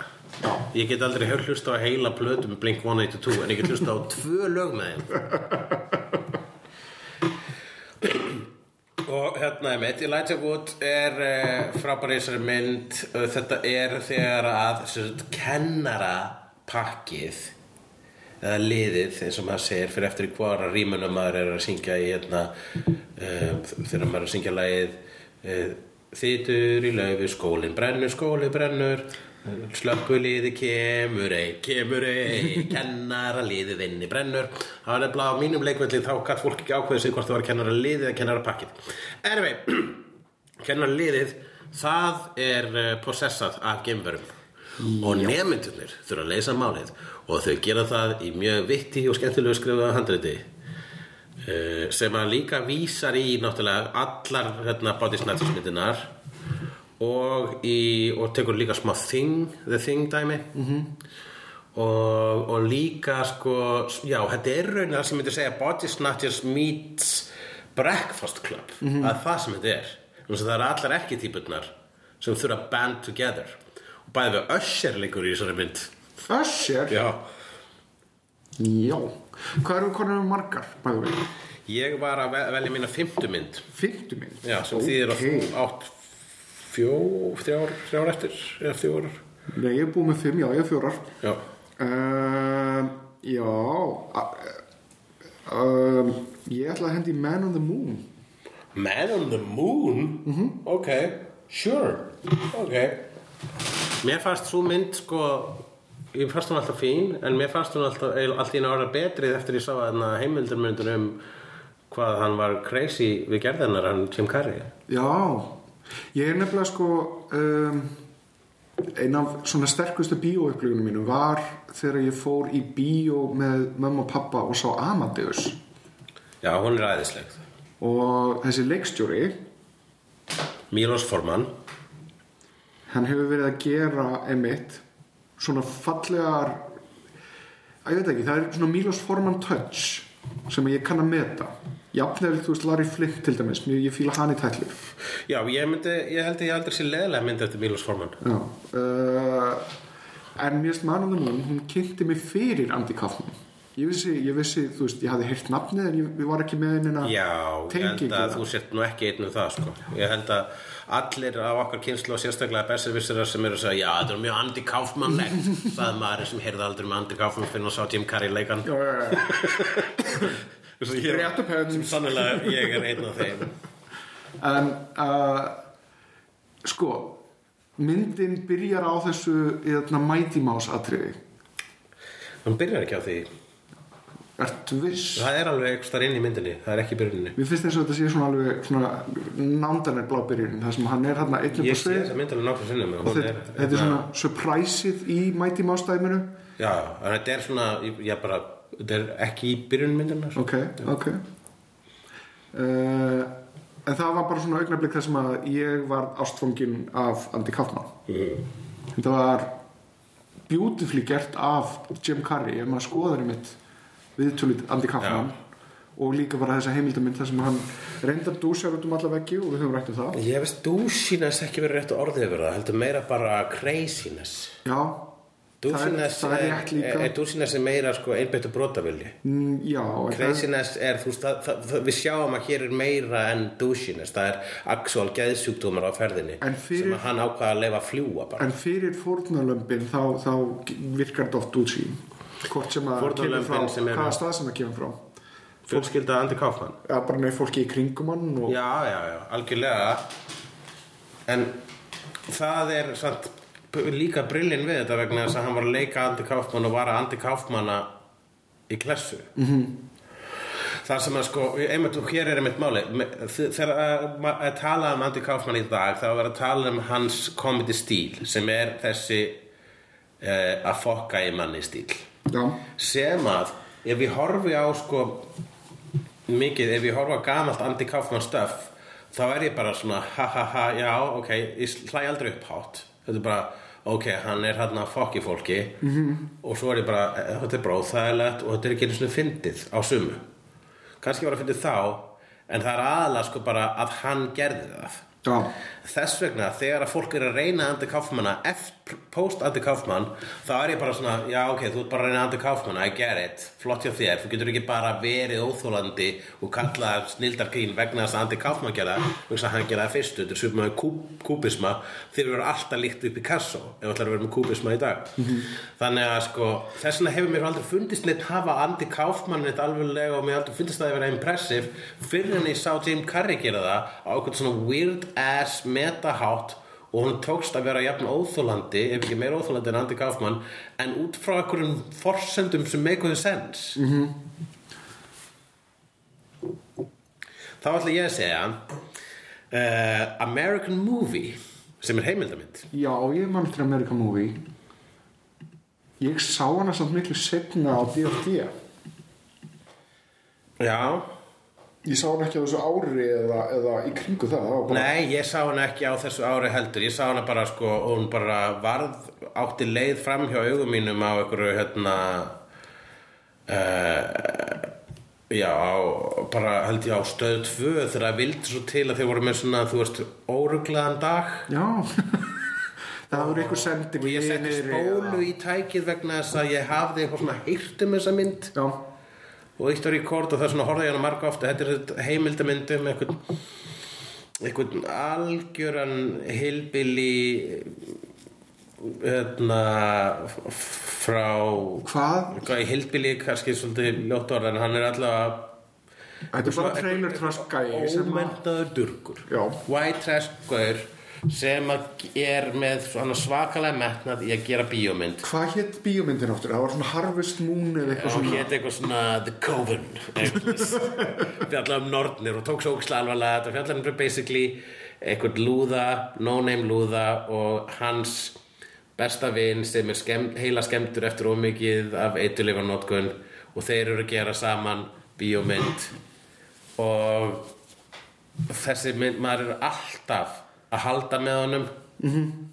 það er eitthvað gífulega fallet við hana maður fær reglulega á tilfinninguna erum við að hlæja frá skapsamanninum en það er, er, það er miklu, þessi mynd segir og sýnir miklu meira heldur og, en það og gerir það með leðandi gefa mannum sterkari sögu en haha sjáðu En þetta er endur einn af þessum hlutum. Ég held nefnilega að það sé lægi að hlæja vegna þess að þú ferði gegnum ferðalagið í myndinni að þú konfrontar þín eigin forduma vegna þess að þú heldur með honum líka. Þannig að þú byrjar á einhverjum einum stað en þetta er journey. Þetta er, er algjört journey og er líka bara svona það, þetta er ein, þú veist bestu heimildamindunar eru þær myndir þar sem að þú kannski jafnvel þarft að setja pásu til að googla hvort þetta sé í alvöru heimildamind eða hvort þetta sé svona mockumentary Já. Uh, og þetta var, þetta ákaflum var bara svona þetta er of gott þetta er of gott, ég hugsaði þannig líka þegar ég sá Grizzly Man mm. var bara, getur ekki verið svona gott og svo var þetta bara pjúra heimildamind ekki alveg vegna þess að þetta er Werner Herzog heimildmynd. Þetta er, hann, Werner Herzog, hann skrifar heimildmyndir. Hann, Já, já, ekki, Herzog, hann, hann spila með þig hann kópar ekki veruleikan, hann, hann, hann, hann, hann, narritar býr til samingi. This I know En uh, með Verður Herzog þá hérna, einmitt þú ég ekstra mikið að googla ok, hverju bætti Verður Herzog inn og hann, eins sem hann gerði var að bæta sjálfur sér inn þannig að þú veist, hann rauninni fokkaði ekkit í veruleikuna þar mm. -hmm. en svakalega ráði en að það að vera kannski tala persónulega til uh, viðmælenda sinna. Mm. eins og þegar þú sagði This is the white elephant in the room. You must destroy this tape. Þegar hann skipti sér af sko. Að hann, hann vildi meina að verða hersök og you should not be a fly on the wall. You should be the bee that stings. Og svo verði ég núna að hætta henni með verða hersök eins og ég gera og lengi á breytistinni en hérna uh, þessi mynd er ekki hersök en hún er hins vegar uh, svona næstu too good to be true Ekki að mikill Dark Horse og Faculty en þetta er, it's up there. já, hvað segir þú það næst? Uh, ég ætla að fara í meira uh, vanilla, ég ætla að fara í meira vinsælt og þekkt og það er South Park Bigger Longer Uncut. Já, hún var það ár Það er nefnilega að ég uh, hló svo mikið á þeirri mynd að ég datt í gólfið Já, í bíónu. Já, það hefur ekki komið fyrir mig Þetta var enda spurning sem að James Gunn var að henda á hérna, Instagram bara núna um daginn. Já, hvað, hvernig hlóstu svo mikið út af gólfið? Já, og ég, ég get svarað því, það, það er hérna, National Lampoon's Christmas Vacation þegar ég sá hana fyrst í bíó. Já. Það er South Park Bigger Longer Uncut og síðan er það Jackass 2. Hugsalega geti ég hafa hvað sem nálætti í Jackass 2 en það er það meistaraverk -hmm. En uh, ég hef aldrei dottið úr stólum minnum í bíó en ég hef dottið úr sófanum á hlátri heima hjá mér horfandi á Fawlty Towers þátt. Mm. Ok, jó, Bigger Longer Uncut, hún er geggjuða Já, og ég man þegar maður var að heyrðu um hana bara svona, það er atriðið það sem að djöfullin sefur hjá Saddam Hussein. Og ég var að hlusta á þetta og ég bara, shit, má allt í dag Nei, ég meina, þegar, ég kom inga til Berlínar uh, án þess að hafa síðan myndina í langa, langa tíma þá var ég með lægið sem að Satan syngur eftir að hafa sofið hjá Saddam Hussein á heilanum. Up there be peace Það er mjög fallegt lag. Það er gott hérna hvað ef lag eða ég vildi að, I wish lag kallast þetta. Um, Ok. Við skulum bara hoppa hraðar yfir sögu hér. Uh, Þá er komið með mér. Já, Þá ætla ég að líka að segja tekni mynd ég veit hvaða teknimynd þú ætlar að segja. Hvaða mynd? Þú ætlar að segja Iron Giant eða ekki? Nei! Fuck! Það er þú mátt eiga hana. Vegna þess Ég er ekkert alveg það mikið Hún er ógisla flott Já. En hún er aðeins svo væminn fyrir mig. Ok, ég ætla samt ekki að segja hana. Hún er, hún er ekki í topp 9 Nei, Iron Giant, ég, hún er ógísla cool, ógísla flott, gerist í, þú veist, The Missile Crisis, er, þú veist, hún er, hún er periódumynd, hún var, er, er 2D teiknumynd sem var ekki frá Disney, er líka bara traditional animation style og Já. Brad Bird er að gera eitthvað, þú veist. Á Brad Bird þetta, og hérna, ógísla flott sci-fiið í henni, það er að segja svona ógísla flott grafíkin þegar hann breytist í stríðsvelmennið og gerir um þessu geðu vopn. Og en, en, en síðan er eitthvað sin, íslenski sinnisistin í mér hann fær ennþá hroll eitthvað tíma þegar hann er að fljúa í burt ætlar að fara að bjarga öllum með því að taka hérna, ætlar að kljásta við kjarnungurspringjuna þá segir strákurinn eftir Iron Giant I love you og ég var bara svona "Uh, pff, ok, roll, uh, við, við veitum að þú elskar hann þú þurftir ekki að segja þetta þetta var svo weird ass á borðið, hjartað á borðið amerísk væmni sko, sko. þetta hljóma bara eins og eitthvað sinikolera sko. Ég sagði að ég var cynical hér en mér finnst stundum hægt að vera mér finnst- að fólk að, spa, að segja ég elska þig þegar að bara spara það sko. Er, er ekki ágætis viðeigandi augnablík þegar að besti vinuðin er að fara að deyja í kjarnokkursprengju að bara henda ein, einu svona kærleiks skoti til Ég get ekki rifist við það, nei. Nei, nei, en þú ætlaðir samt að segja Toy Story 2 það ekki? Nei. Damn it Ég ætla að segja Princess Mononoke ah, vel valið. Uh, Princess Mononoke gegn uh, mynd, það var, ég, ég, Ég var að- ég var viss, að- ég vissi eiginlega ekkert um Miyazaki fyrir en ég sá þá mynd ég sko. tók, ég tók hérna, Studio Ghibli hérna, svona rewatch í ár. Já, það var ógeðslega magical og indislegt og Princess Mononoke er a treasure, a goddamn treasure. Já, bara drullu sterk umhverju skilabáð og svona og Núna langar mig að sjá. Náttúrulega, sko, ef ég væri stelpa var ég alltaf að cosplaya hana. Mér langar nefnilega núna að sjá ef ég var strákur sem var Gretu Thunberg. Ekki myndi, ef ég myndi cosplaya Princess Mononoke núna þá myndi það vera svona svolítið eins og ég var ekki að grína henni. Mér núna langar mig að sjá hérna, Gretu Thunberg cosplaya sem Princess Mononoke Já, það er svolítið cool. Uh, en ég sá líka einhver tíman uh, eitthvað svona fanart sem einhver hafði búið til fyrir sig sem að uh, það sem að Arya var teiknuð sem Princess Mononoke Har ég að star? já. Já. Og mér fannst það óslega cool, mér langaði það að ból en ég síðan fann ég þetta aldrei eftir Þú var það bara svona mashup, það var auðvitað Aragir Stark og Princess Mononoke Já. Og var Úlfurinn náttúrulega með Já. já, já. Sniðut Ok, hvað segir þú? um, næsta mynd uh, úr mínum ranni það þarf, það þarf á endanum að segja Fight Club Ok, þannig að ég skal bara taka það á mig Fight Club Hún er, það er uh, ein best Það er, ég myndi segja sko Sko, þegar fólk talar um sko, Matrix vann 1999 einu raunin að vara Fight Club Nema, málega það nefnilega, ég meðskilur myndir sem að, þú veist uh, sem að mér þykir öðruvísi væntum eins og Ghost Dog eða, eða, eða, En þú verður að segja þínar uppáhalds ekki hvað er hérna Best. eða Existence eða Sleepy Hollow þú veist það fullt af ógeðslega spennandi hlutum. Existence, hún var 99 Það var, það er líka hérna, Virtual Reality mynd. Það er allt morandi í þeim. Og nú og- fjórar í takinu.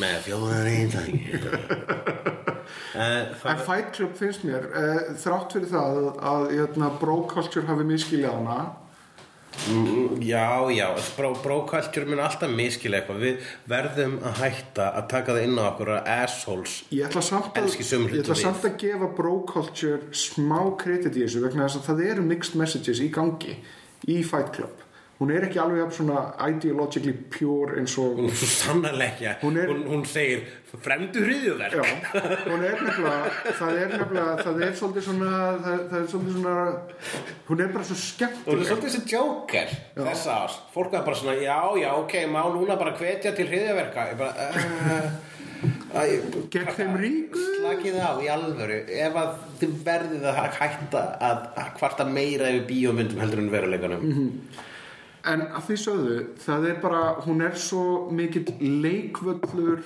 af hugmyndum að það eru, þú veist, það eru hver, í hverjum fimm mínútum eru svona 20 áhugaverði hlutir að gerast. Já, uh, svo sannlega Hvað er eftir að tala. Fight Club Vá, þetta var versta dæmi um aðteklispress í Ég genuinely man ekki eftir hverjum við erum að tala um Ég er bara alltaf bara að hugsa um Joker Hvort sem það er í klippi, hvort sem það er í staðsningu myndöla, hvort sem það er í fokki í filmu, hvort sem það er í, í, í, Hún frásögn. er mynd sem að sko mér finnst svo góð að ég spara að horfa ég reyna að horfa hann kannski svona tvisvar áratug sko. Það, það er hérna, það er atriði sem að mér finnst alltaf áhverð það sem að hérna, uh, hún segir línu, hún Marla eftir kynlíf það sem að hérna, uh, já það var, þetta var uppalega eitthvað svona veist, I want to have your abortion Já, já, já. Og... Það er rosalega, sko, það er líka late 90s. Nei, veit að en kvikmyndi eftir því nei, nei, nei, nei, þetta má ekki Já, þannig að, jæna, að þau breyttu þessu í I haven't been fucked like this since grade school og það var alltaf lagi. og það var bara svona, ah, ok ah, ah. Þetta er sko, sko, það er, ég, með þegar ég var að horfa þarna heimilda mynda þáttaröðina The Defiant One sem fjallar um uh, Dr. Dre og sem voru, hérna, voru tólistaframleita teimi Interscope Records og þeir tóka sér alla djöflana Já. Eminem, Marley Manson og Trent Reznor og bara svona, ok, nú skulum við bara virka þetta vegna fólk vill horfa á djöfulinn á sviði í dag. Og það var einmitt málið með 99 og sérstaklega allt þarna, sko, Eminem kom fyrst fram þá, sko og og það kom úrslega mikið af svona Devil's Advocates þá, það var úrslega, það var úrslega dark tímabil. Já. sexism var sko á einhverju svona einhverju háu entertainment leveli. Já, það er líka við vorum að koma úr einhverju, einhverju svona hopeful period. Já. það var ekki komið 9-11 það, það voru allir bara svona við höfum of gott. Já, við erum ekki nóg hrætt var, það var líka, hefur líka alltaf verið bara, það má segja allt, getur sagt allt, South Park, segjum allt. Já, Írónía var bara svona, þetta er alltaf læg, við erum að djóka.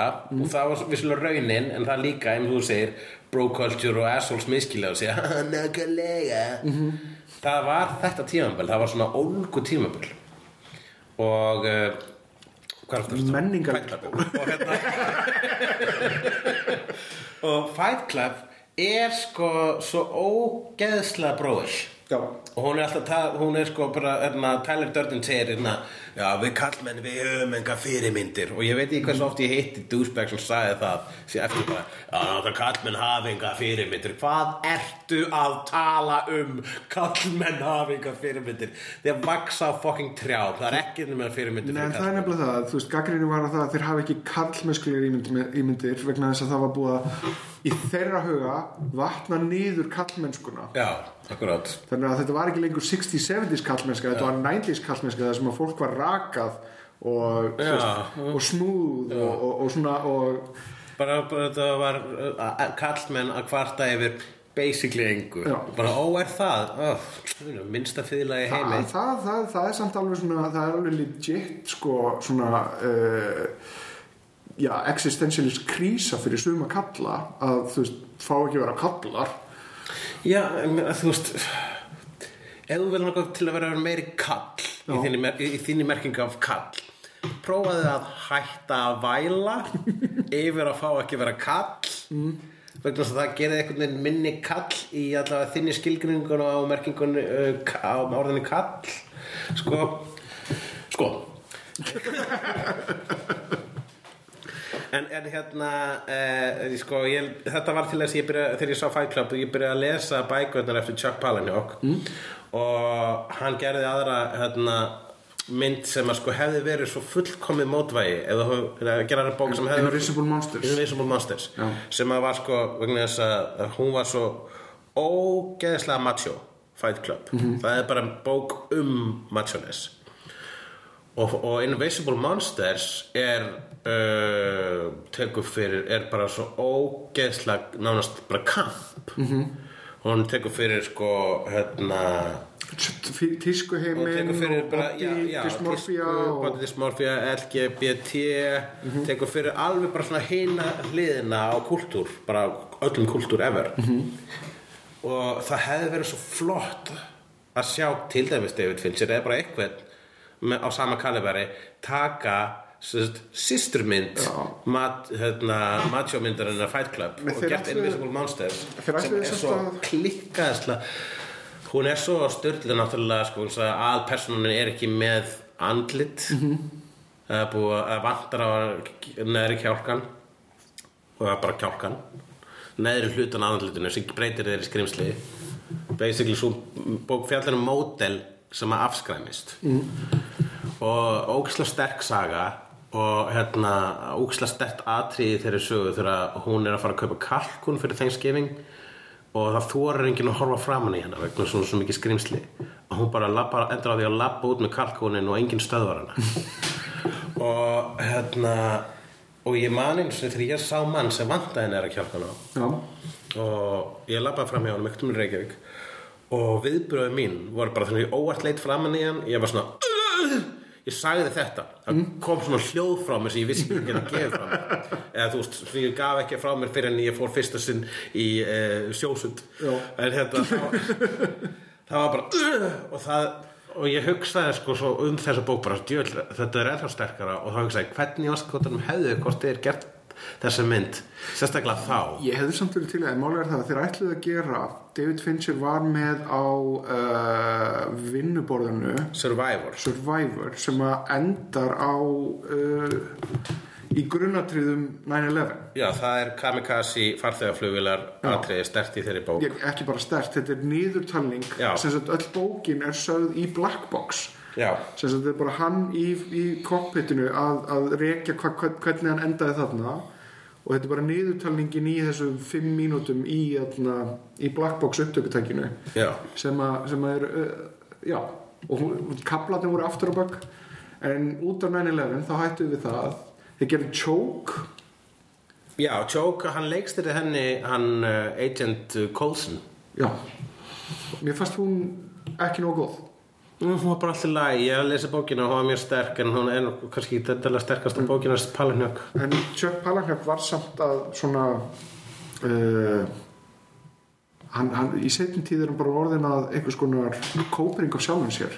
Það alltaf Svolítið- svona upptalningar, alltaf þessar svona þú veist, Já, síðan er líka áhugavert með, einmitt fyrst og ást að nefna með Invisible Monsters LGBT uh, QI kultúrin hann hefur haldið í leyndu að hann sé gay sem að hann er samkynnuður Palanjök Já. já, ok, ég vissi það ekki. En hann, það er nefnilega, þú veist, auðvitað er hann prívat og hefur sitt, prívat og allt það, en á sama tíma, það er líka ákveð svona cynisismi held ég í því mitt Það að, bætir heilli vít við Fight Club. Það ég veit það, Já, þetta er náttúrulega bara ástasaga, þetta er já. ástasaga með til tvekja kallmannin í einum kallmanni. Já, mér finnst það bara alltaf svona í klísja að segja eitthvað svona tveir kallar í bíómynd, ástæðsaga, mini og svo er samkynnaður maður sem skrifar það bara að eða hvað Pældu samt í augnablikinu þegar að jötna, hann ræðist á Angel Face, narratorinn, Já, það er jelly aug- augnablik döðans. þetta er, þetta er, ég er lagt til að horfa á þessa mynd aftur með þessu hugafari Ég hef aldrei lesið bókina Fight Club þú veist Ég hef gert það. myndina en ég hef lesið flestar aðra bækur eftir, að margar aðra bækur eftir hann en talandi um einmitt að Palanhjók sér orðin einhvern veginn of Palanhjók það tengist myndinni sem að ég ætla að nefna næst. Ok, og það er Sleepy Hollow. Já, já, Mér finnst það vera eiginlega síðasta góða myndinast Tim Burtons ég er svolítið með þér þarna. Uh, er Mars Attacks undan að eftir? undan held ég. Ok, ok. Já, ég myndi segja, ég held að Mars Attacks hafi bara rétt á undan Sleepy Hollow Mars Attacks er náttúrulega briljant líka uh, Ég held að hún sé næstu í uppáhalds kvörtamendinu. Já, ég, það, ég hoppa á milli Sleepy Hollow, Batman Returns og Mars Attacks Já. uh, Ed Wood er reyndar, Já, Edward er frábær en hún er ekki Tim Burton mynd, ef þú skilur hvað ég við. Eiginlega ekki, hún er aðalega ekki Tim Burton mynd vegna svo Danny Elfman gerir ekki tónlist Hún hún hún er svona eins og Straight Story er ekki David Lynch mynd. Akkurat, heyrðu, er það hún á þínu lista Straight Story Hún er, hún er þarna hovering around, en nei, vegna þess að hún er ekki David Lynch mynd, þá er hún ekki, hún er góð, hún er bara ekki David Lynch mynd, hún er ekki En það sem er sækjast. Hún er full af, þú veist En til og með sko, Straight Story Hún er bara ekki Straight Story er weird En, Ekki, en hún er ekki ekki óþægileg Lynchian. Hún er ekki svona óþægileg Já, Þú veist, það, er Lynch að segja Sjáðu, ég get gert fílgútmynd já. En ég meina Lynch hefur líka gert Man sem að hefur sín weird atriði en er bara frekar straight forward. Já Fyndi að samt, mest straight myndin hans Heitir Straight Story. heitir Straight Story. En uh, já, Sleepy Hollow, mér finnst hún frábær vegna þess að það er einhvern veginn mm, það var bara svona, þetta var sniðið fyrir Tim Burton mm. og myndin sjálf ég, þyrst ekki, ég gæti hort á hana án hljóðs sko Já. ég finnst hún bara rosalega falleg og ég held að upp á hlutin minn við hana er Kristoffer Walken Hann er frábær í henni. Hann er með þessar söguðu tennur og og það er, að, hún er með smá svona Bram Stokers uh, Coppola Dracula element mm -hmm. Bram Stokers Coppola Á, ég myndi sjá þá mynd. Já, og það er einu sinni myrk á stundum uh, Já, Sleepy Hollow. Ég sett hana þarna vegna þess að ég maður bara að ég var uh, þú veist, Tim Burton varð uppáhalds leikstjóri minn einhvern veginn mid-90s eða svona upp úr mid-90s á þessum tíum bara, bara ef var að koma ný Tim Burton mynd þá ætla ég að sjá hana svo hann er snillingur. Og svo svona gradúali varð hann ekki lengur uppáhalds leikstjóri manns og ég hef ekki eins og séð síðust þrjár fjóra myndirnir hans sko. Ég sá Big Eyes og ég hata hana.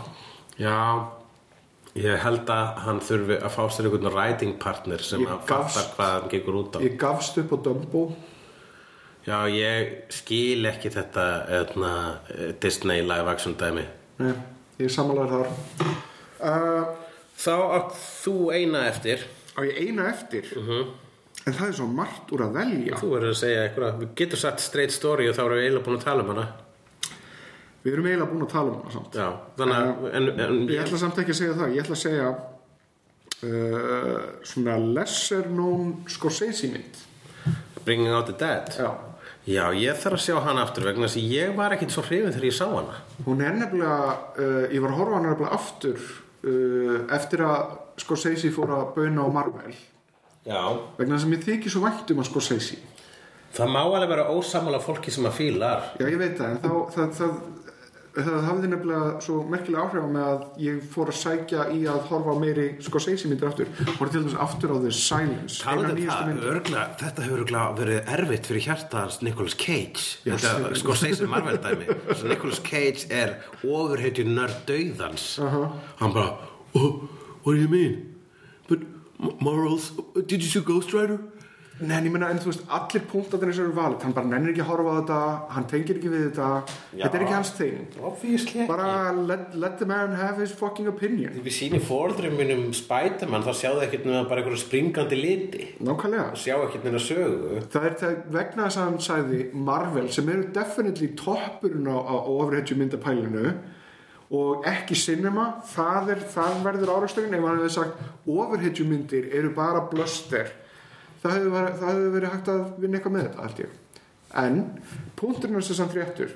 Allar uh, þessar svona allar þessar myndir sem að kom ekki í bíó nema í einhverjum bíóparadísum eða, eða í sésölum eða eitt kvöldi asöl eða um sérsýninga kvikmyndum þær, þær eru búin að vera svolítið skubbaðar til hliðar af overheadju myndunum en ég held að þetta sé ekki nefnilega bara overheadju myndunum ég held að þetta sé líka fast með fjúriðis myndunar ég held að þetta sé.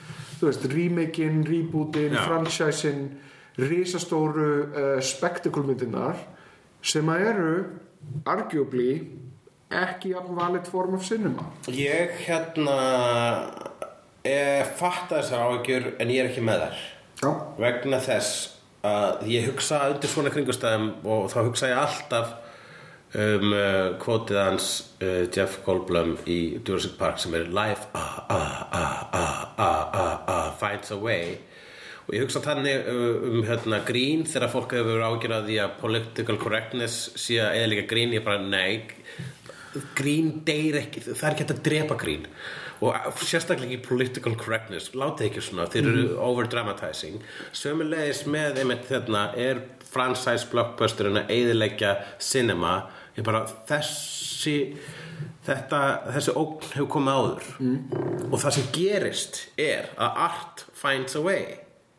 Og þegar að hérna, sjóarpi kom og bíó, kvikmyndahúsin byrjaði að tæmast þá byrjaði hérna, byrjuðu distribute, þá byrjuðu bíóreikandur í bandaríkjunum að flytja inn evróska myndir til þess að bara fá einhverja, já, er ekki einhver fólk sem vil sjá evróska myndir, við höfum aldrei sínt þær. Setti inn bara Buñuel og alls konar svartkvítur ugl með texta. Sem var til þess að það inspiraði heila kynnslóðleikstjórum sem að voru meðlega sko segi og þeir görar gerðu byggu til alveg bara heilt tímabil af uh, ótör uh, uh, dominated bíó-era í bandaríkjunum þar, þar sem að sko bara hápónturum var þú veist hérna að var heil bíómynd þar sem að fucking Dennis Hopper var bara fyllir í. Og, og það síðan sprakk vegna þess að allt í hennu voru bara hérna listamenn á dópi að leika lausum hala. Og þá tók Spielberg við með því að koma með, hérna, að búa til B-myndir. Já, Lucas líka. En Spielberg hérna, komið að fyrst með Jaws og svo Lucas stimpilega almennlegin með Star Wars. En þá eru það nördar sem að höfðu sko séð gömlu kormanmyndina sem líka blómstur á sama tíma voru hliðarblómsturinn á Auteur dæminu, hann lefði Auteur um að gera hvað sem er svo lengi svo setti kynlíf og ofbeldi inn í myndinar og þetta er alltaf sem að bara hluti af sama lífkerfinu. Þannig að það er svo spennandi að sjá hvað verður a- afurðin, hvað verður misan af öllar þessari blóðmjólkun Marvels. Að þessu öllu sögðu hvað er súra misan? Það að þessu öllu sögðu eh, kvikmyndaformið í sjálfu sér er alltaf bundið við það að það er dýrt það er dýrasta listfólksögunar og þarf að búið til peninga. Þannig að það sem að verður ofan á er ekki endilega er ekki hið listræna heldur, heldur það sem að tengi við áhörundur sem að býr til eitthvað flæði það sem að áhörundur gleyma sér í The Magic Box sem er, er kvikmyndahúsið. Já, og þar kemur peningurinn inn. En síðan eru ofta um móti með þessa Netflix þróun þar sem að tvær af uh, myndunum sem eru oftast á svona topp þrjú eru framleitar af Netflix fyrir Netflix og eru síndar svona í viku í, í, í bíói. Þetta er mjög aðtöklisvættið með þú segir Netflix að sko þetta var, eh, núna er bara að vera sko svolítið Scorsese versus Marvel og undan því var Spielberg versus Netflix. Það er alltaf konungur hvers tímabils Já. er að mótmæla einhverju sem er í gangi í dag. Og það er svolítið svona ég, þeir, ég skil hvaðan þeir eru að koma en á sama tíma þið vitið að þið voru eins og Netflix. Já. þú varst eins og Netflix og þú varst eins og Marvel.